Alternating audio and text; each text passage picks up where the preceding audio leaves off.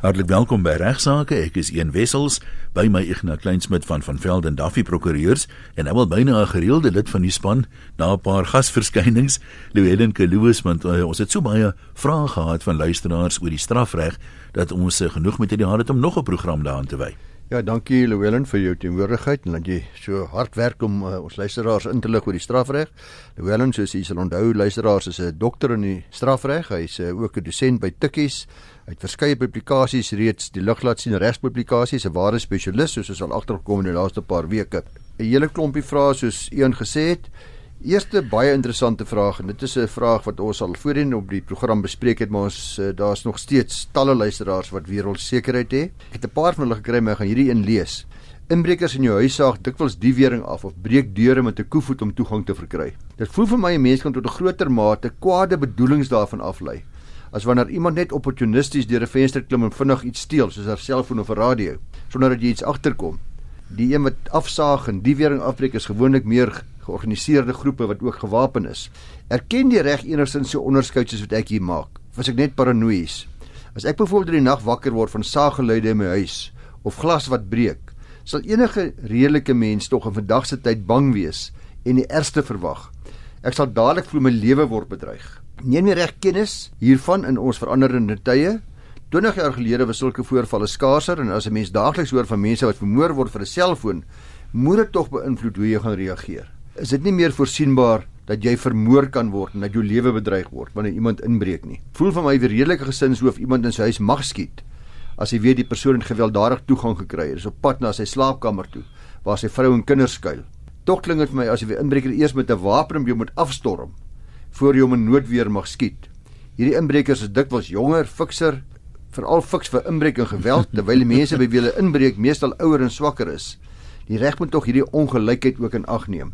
Dan sê hy verder, die tweede vraag gee daarmee saam: Gestel ek oorskry die grense vir noodweer en skiet 'n gewapende indringer my huis se gang dood. Wanneer sal ek skuldig wees aan moord en wanneer aan strafbare manslag? Ek neem aan, omstandighede sal drasties strafversagtend wees as dit kom by vonnis oplegging. Maar wat hy eintlik sê, ek moet eintlik onskuldig wees in die omstandighede waar daar met geweld in my huis ingebreek word, hmm. gesaag word en gebreek word en koevoete gebruik word ja, en so voort. Ek dink mense kan nie ontken dat omstandighede vandag is baie anders nie. Jy weet, hierdie ja. gevalle was raar 'n paar dekades gelede. Die hartseer ding is Mens lees al hoe meer van 'n verskriklike mate van geweld wat saamgaan met hierdie goed. Die ouens se doel in die ou dae het hulle ingebreek en probeer wegkom. Die is nou voel dit vir jou hulle probeer nie wegkom nie. Hulle probeer jou leed aandoen. Dis een van die doel, weet die oogmerke met die inbraak. Maar in elk geval. Ja, Louwelen en ek kan nie ek weet nie vraag. Weet nie ja. wie dit gestuur het. Dink sy naam is Christo en ek sien nie ek het ongelukkig ook die briefie wat saam met hierdie vraag gekom het uh, nie meer by my nie. Maar hy vra laastens 'n bietjie meer akademies, was daar dalk onlangs 'n hofsaake wat die grense van noodweer verskuif het? Sprake van artikel ja. 149 ook om aan te pas by die groter bedreiging wat talle onskuldige burgers deesdae moet verduur en ek dink hy verwoord soos een ook sê die sentimente van honderde duisende Suid-Afrikaners. Goeiedag uh, een en uh, Ignas luisteraars en baie dankie vir die vraag. Die opsomming wat jy gegee het, dink dink ek ek dink almal stem saam met die sentimente soos wat jy sê wat daarin geuiter word en ek het geen probleem met die sentimente as sodanig nie. Die reg is is nog altyd dieselfde en ek ek dink nie ons moet daaroor illusie hê nie. Niemand en niks keer enige persoon waar sy lewe objektief gesproke behoorlik en daadwerklik bedreig word om in selfverdediging of noodweer dan op te tree ten einde sy eie of dan ook sy persoon, sy mede persone in sy huishouding en desnoods ook sy besittings te beskerm nie. Daardie beginsels van die strafreg is nog altyd daar.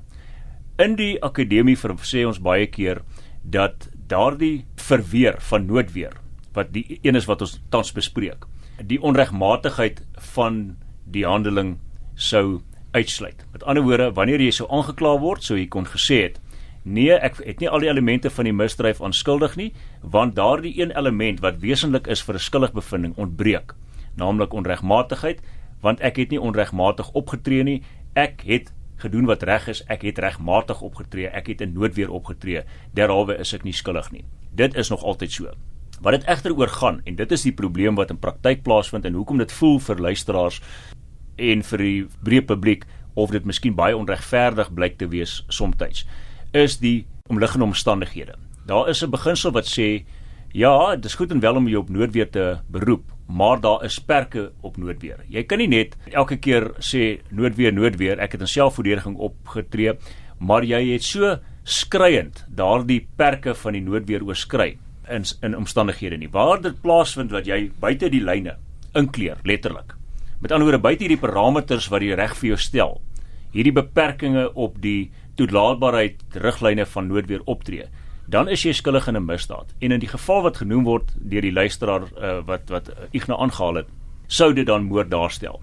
As jy iemand doodmaak en jy het gehandel opsetlik en onregmatig daardie persoon se dood veroorsaak, dan is jy skuldig aan moord ten beste vir jou sal daardie omstandighede wat jy gestipuleer het dan in jou as die versagtende faktore moontlik die verskil maak tussen 15 jaar gevangenisstraf en 20 jaar gevangenisstraf vir 'n eerste oortreder want 'n eerste oortreder wat skuldig is aan moord moet 'n minimum van 15 tot 25 jaar tronkstraf opgelê word behalwe as daar dwingende en wesenlike omstandighede is om daarvan af te wyk.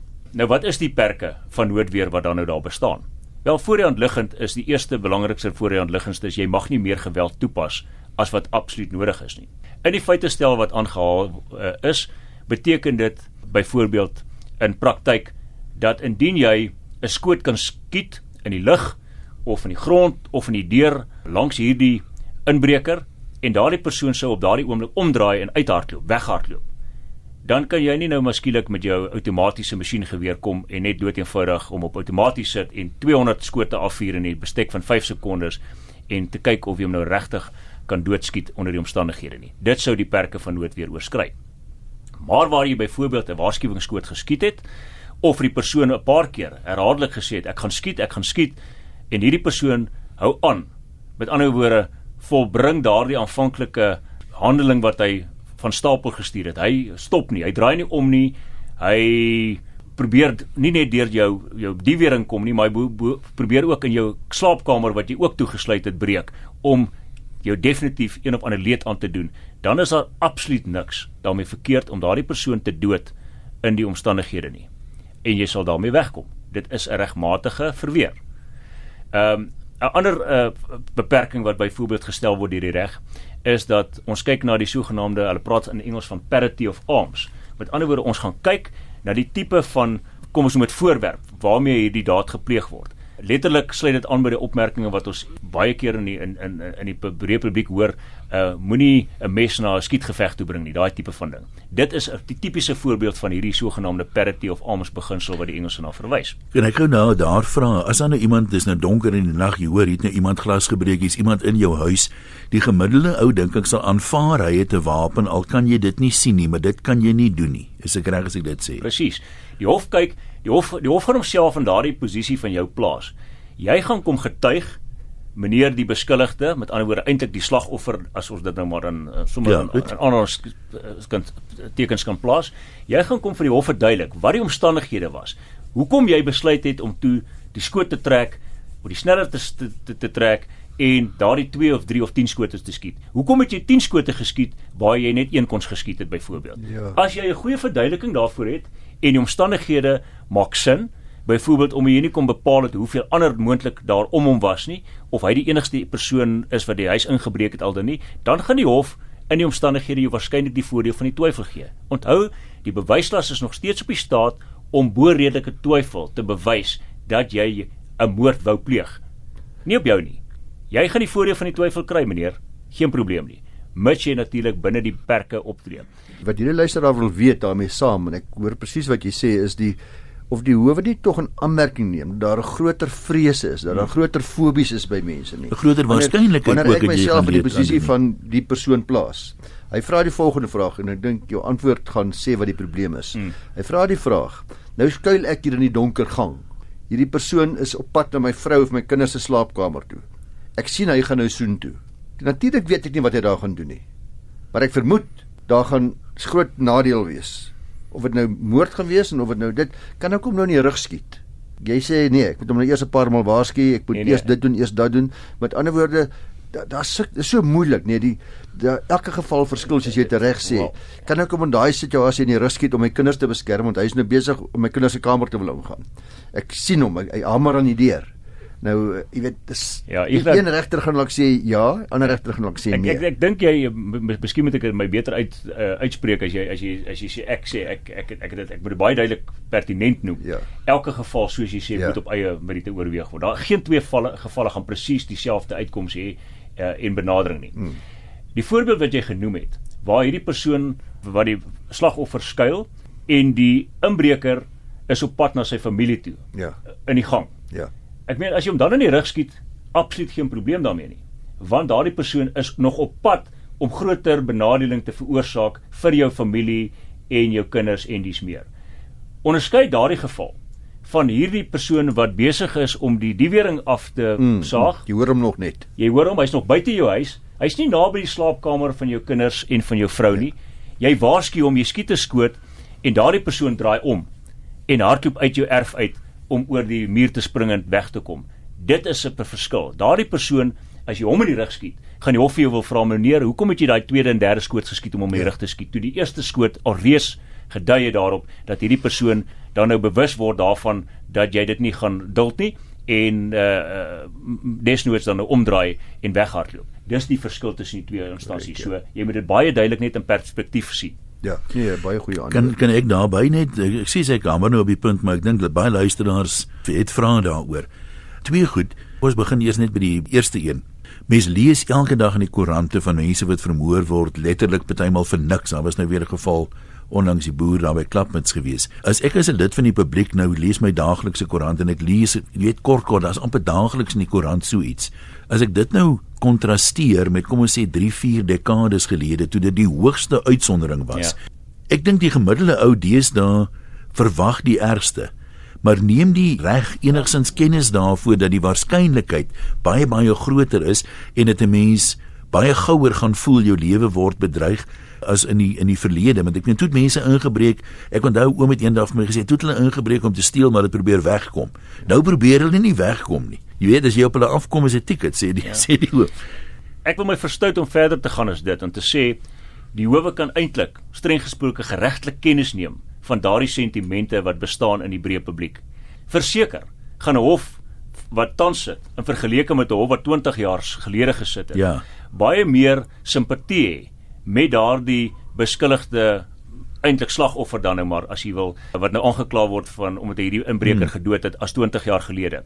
Want die persepsie van die breë publiek is dat ons 24 uur op eh, op, op moet ingestel wees op 'n moontlike uh kom ons noem 'n aanval op ons persoon, ons lewe en ons eiendom. En uit daai perspektief alleen sal jy ook uitvind dat in ons howe daagliks is die sentiment nog steeds van ons voorsittende beamptes om simpatie te hê met die met die situasie en eerder dan vir daardie beskuldigde sê maar meneer ek weet jy is een van 'n 'n miljoen mense elke dag wat vrees in vrees lewe vir hulle vir hulle daaglikse bestaan en op grond daarvan alleen is die uh, ek wil amper sê leen die regters en die in die howe oor om akkommoderend te wees in vergeleke sien maar met 20 jaar gelede. So 100% korrek. Ja. Ek dink tog daar is sentiment wat eerder uh, in die guns van die van die beskuldigde dan tel die slagoffer beskuldigde dan nou as jy wil. Want ons maar net Ja. dit onderskei tussen Ja. die Nee, tussen met die, jou. tussen die persoon wat ingebreek het en die persoon wat nou aangekla word. En net terwille van ouer luisteraars, as jy nou 'n bietjie broos is, jy's kom ons sê nou maar redelik bejaard en jy's jy's swak, maar jy het wel 'n vuurwapen, word die geld dieselfde, ek wil in aanhaling sê reëls vir jou as wanneer jy 'n Springbok rugby speler is, jonk en sterk en fiks. Elke elke saak op sy eie meriete weer eens en ek het nou net die opmerking gemaak van die beginsel wat uit die Engels en dis vir my so dit is eintlik ek weet nie waar 'n baie mooi erkende Afrikaanse mm. uh, uh, sinsnede daarvoor is nie parity of arms beginsel hierdie vergelykende beginsel 'n ou persoon wat swak is kan baie meer doen as hierdie jong fris rugby speler om homself te beskerm. Uh met ander woorde is daardie uh, kom ons nou bejaarde persoon pensionaris sy vuurwapen uitdruk uh terwyl wat onder sy reistool gemonteer is en die ou doodskiet of 10 skote skiet, gaan hy baie makliker daarmee wegkom as wat hierdie groot individuele rugby speler wat 'n slot is vir die vir die Springbokke uh, gekonfronteer word met 'n 14-jarige misdadiger wat wat ingebreek het by die huis met 'n uh, sien nou maar met 'n knopkierie of met 'n Ja. ding is. Dit dit, dit so definitief gaan die hof moet onderskei tref tussen daai twee. Voordat gevalle. ons breek neem net een laaste vraag. Mens lees dikwels in die koerante, kom ons sê jy het nou iemand gedood in jou huis, dan eindig die berig dikwels met die polisie het 'n moorddossier geopen.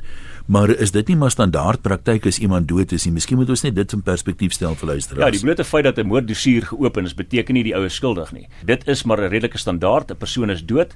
Die polisie moet 'n dossier oopmaak van een of ander aard en hulle het letterlik 'n keuse tussen moord en strafbare manslag want dit is die geuite misdade wat met 'n persoon se dood te, te, te maak het. En die mees voorhandliggendste is die ernstigste een van die twee, naamlik moord. 'n uh, Hof kan altyd 'n persoon 'n afgewaterde skuldigbevinding gee byvoorbeeld aan strafbare manslag in vergelyking met met die moord Uh, maar dit is vir die hof om te besluit. Die polisie wil nie daai kans vat nie. Hulle sal eerder dan eerder wil sien die persoon moet vir die ernstigste misdaad aangekla word en hopelik 'n skuldigbevinding volg op die sogenaamde bevoegde mindere uitspraak, naamlik strafbare manslag. So nie, ek stem 100% met daai opmerking ook saam. Dieselfde skrywer Louwelen wat ons so lekker laat praat het oor noodweer en wat ek mag doen om myself te verdedig en wanneer. Het ook 'n vraagie gevra oor appel. Hy sê ek kry die indruk dat deesdae makliker appel aangeteken word as voorheen, veral deur die regering wat genoeg belastinggeld het vir litigasie.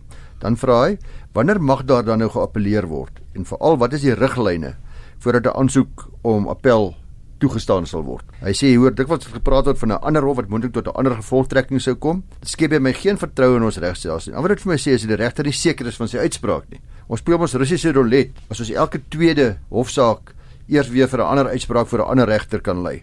Is dit dan maar luck of the draw wat 'n regter hier kry? Is daar nie groter behoefte aan regsekerheid nie?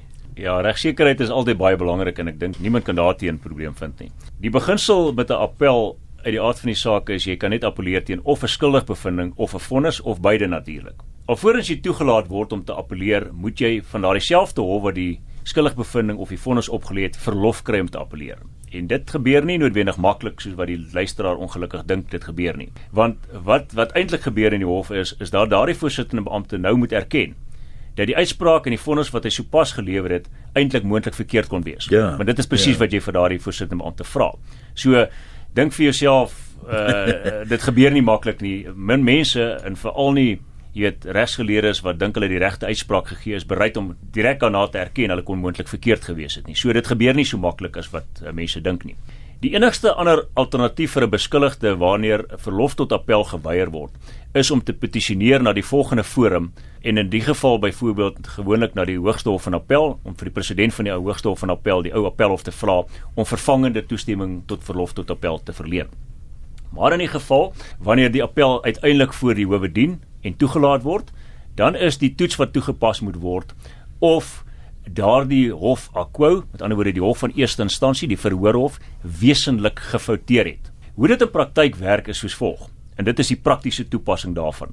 Die hof van appel wat uit meer as een regter dan bestaan wat hierdie ander regter moet beoordeel of sy uitspraak moet beoordeel, gaan fisies en hulle lees die rekord. Tydens 'n appel word die totale rekord herbestudeer. Met ander woorde, letterlik elke ding wat gesê is in die hof verhoorhof word getik en deur daardie appelregters voor die tyd deurgelees. Dan besluit hulle in hulle eie midde wat hulle meen 'n korrekte uitspraak sou wees en wat 'n gepaste vonnis sou wees. Wat dan gebeur is die tweede been van die uh, oefening. Daar word dan gekyk na wat die vonnis is en uitspraak is wat deur die verhoorhof opgelê is en gegee is. Die derde deel, deel van die oefening is dan om 'n vergelyking te tref tussen daardie vonnis wat hulle persoonlik sou opgelê het in vergelyking met dit wat die verhoorhof opgelê het en dan die vraag te vra is of dit so wesentlik van mekaar verskil dat dit 'n inmenging regverdig. Indien die antwoord nee is, dan sal die verhoorhof die voordeel van die twyfel kry en gaan daardie uitspraak en vonnis staan. Daar sal nie daarmee ingemeng word nie.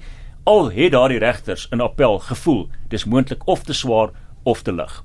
Slegs wanneer daar 'n wesentlike met ander woorde 'n grouwe verskil was tussen hierdie twee vergelekende uitsprake, sal hulle inmeng en uh, dan daardie hof uh, van eerste instansie se verkeerde uitspraak dan korrigeer met wat hulle meen die korrekte uitspraak moes wees. Mm -hmm. Dit is 'n praktiese noot. Mense weet nie altyd hoe die die stelsel werk nie. Nou gepraat van die die hele rekord wat gelees word, so daar word nie getuienis weer aangebied uh, op appel nie, maar die advokate probeer wel die hof oortuig hoekom die appel moet slaag of hoekom die appel nie moet slaag. Ja.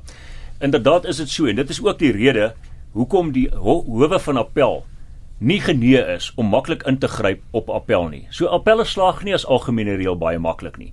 En buiten dat dit ongelooflik duur is, dit lank kan vat, is hulle ongenee om in te meng want soos jy dit reg opgemerk het hulle het nie die voordeel gehad soos wat die verhoorhof gehad het om die getuienis eerstens aan te hoor om te sien hoe die mense getuig in die oop hof om die kruisondervraging eerstens te beleef nie om te kyk na die persoon se voorkoms want voorkoms het ook 'n hmm, implikasie leeftaal al daai tipe van goeters. Die Engelse praat van demeanor. 'n Persoon se fisiese voorkoms in die hof kan ook een of ander geloofwaardigheidsbevinding be, uh, bewerkstellig. En omdat die appelregters nie daardie prerogatief en voordeel het nie, het hulle nie 'n keuse anders as om daardie diskresie en prerogatief uh uh die voordeel van die twyfel letterlik dan vir die verhoorhof oor te laat nie. 'n Briefie wat ek kry van 'n persoon met die naam van Gert. Die vraag gaan oor statutêre verkrachting in Borg. Seun was 17 jaar oud, meisie 14 albei op skool. Die meisie het vir die seun gesê sy is 16 jaar oud, gaan vir 18 maande uit, die meisie word swanger. Ouers van die meisie se seun moet sy skoolloopbaan voltooi. Sê hulle hulle gaan hom nie aankla nie. Die kind is toe gebore. Pa verlaat die skool en hy is werkloos. Die meisie is nog op skool, het intussen 'n tweede kind van iemand anders. Ouma pas die kinders op. Ouma en die meisie gaan verklaar gaan vra nou vir die seun vir onderhoud. Dis nie die werklose seun. Die seun verduidelik aan die hofbeampte dat hy werkloos is. Die hofbeampte sê dat die seun aangekla gaan word vir verkrachting. Die seun moet hom reghou om in hegtenis geneem te word deur die polisie. Die vraag is, wat kan die seun se ouers nou doen? Dis nou duidelik, hy kan nie onderhoud betaal nie. Nou gaan hulle hom wys. Hulle gaan hy vir verkrachting aangekla word. En uh, wat kan die seun se ouers nou doen indien dien hy weer in hegtenis geneem word? Moet hy in die gevangenis verpligtend wees? Kan die ouers dalk vir hom borg betaal? Die seun uh, mag sy seun ook nou nie sien nie omdat hy nie onderhoud betaal nie. Dit word geweier en hoe nou? So is maar 'n uh, uh Igna uh, ek moet by verstout om vir jou te sê daardie om daardie vraag te antwoord sal waarskynlik die res van die dag waarskynlik uh, hmm. vat. Want daar is soveel regsbeginsels wat toepassing vind en elkeen uh, moet op sy eie oorweeg en uh, natuurlik beredeneer word. Maar in kort uh die hoofmomente van dit wat uh, Ignas gesê het, kom daarop neer dat daar moontlik sprake is van statutêre verkrachting. As dit die geval is, dan was daar 'n verpligting gewees ook op die ouers van mm, die mm. uh uh kom ons noem dit van die slagoffer van die dogter van die van die van die meisie om dit te rapporteer en die feit dat hulle dit destyds nie gedoen het nie maak hulle natuurlik ook medepligtig en ook skuldig aan sekere misdrywe in terme van die wet op seksuele misdrywe van 2008. Ehm um, so hulle is nie skotvry nie. Die ander uh, waarheid is dat vir verkrachting een van daardie misdrywe is wat nooit verjaar nie. Met die gevolg is al besluit die staat om 40 jaar na die insident hierdie persoon te vervolg, hierdie seun te vervolg vir daardie misdryf wat hy gepleeg het so lank terug, dan kan hulle dit doen. So die feit dat daar 'n jaar of 2 verloop het sedert die insident tot nou toe maak nie daardie misdaad uh, ongedaan nie en selfs sekerlik kan hy nog uh, uh, aangekla word van van verkrachting. Dit mag wees dat hy 'n billike verweer gehad het uh, onder die omstandighede. As 'n mens gaan kyk die, na die feit dat sy hom onder 'n wanvoorstelling gebring het uh, oor haar ouderdom, die tipe van aspekte sal in die hof beredeneer moet word om vas te stel of hy daadwerklik skuldig is dan aan statutêre verkrachting en dies meer. By statutêre verkrachting is 'n toestemming nie 'n verweer nie. Dit is korrek, want 'n persone onder 'n sekere ouderdom mag natuurlik nie toestem tot uh, seksuele handelinge nie. Uh, daar moet spesifiek gaan kyk word na die definisie van verkrachting en statutêre verkrachting in terme van die wet op seksuele misdrywe wat natuurlik in leuke taal baie wyer is as dit wat ons tradisioneel destyds 10, 20 jaar terug verstaan het onder verkrachting. daarmee saam kom onderhoud ter sprake. Onderhoud moet onderskei word van die hele kwessie rondom die verkrachting. Die feit dat die seun nie onderhoud kan betaal nie, beteken nie hy mag nie sy kind sien nie. Ja. Dit is beheer en toesig en toegangsregte en onderhoud het absoluut niks met mekaar uit te waai nie. Dit is afsonderlike regsaspekte wat deur afsonderlike howe beoordeel moet word en die die een kan nie as voorbehoud geld vir die ander nie. Die ander waarheid is daar is ook uh, reëls in ons onderhoudsreg wat sê waar die seun byvoorbeeld nie self die onderhoud kan betaal nie en dit is op die veronderstelling dat hy inderdaad die vader is van die minderjarige kind en dat hy uh, onderhoudspligtig is, dan is daar natuurlik ander persone in sy familie wat daar desnoods ook onderhoudspligtig is naamlik baie keer die ouers dan van die seun uh, selfs bloedverwante, die boeties en sissies afhangende van die omstandighede. So die beste advies wat ek vir daardie luisteraar kan gee is om verseker regsadvies in te win, 'n kundige regsadvies in te win, want die vraagstuk is nie so eenvoudig soos wat dit moontlik hmm. op papier uh, daarna uitsien nie. Ek dink nie ons gaan regtig tyd hê vir nog iets nie, Ignas, en sê jy ja nee vraag. Nee, nee. En daar is in die reg maar baie min sulke vrae. Kom ons trek aan daar streep. Ek sê baie dankie vir uh, Llewellyn en uh, vir jou Ignas. Ek dink uh, die laaste klompie programme was miskien vir 'n groter gedeelte van ons luisteraars relevant, maar die reg is natuurlik 'n wye wye wye gebied. Baie dankie Llewellyn. Ek hoop ons gaan jou spoedig weer hier in die RSG regsaak ateljee verwelkom. Baie dankie, was lekker om met julle te Ja, gesels. baie dankie Jan, baie dankie Llewellyn.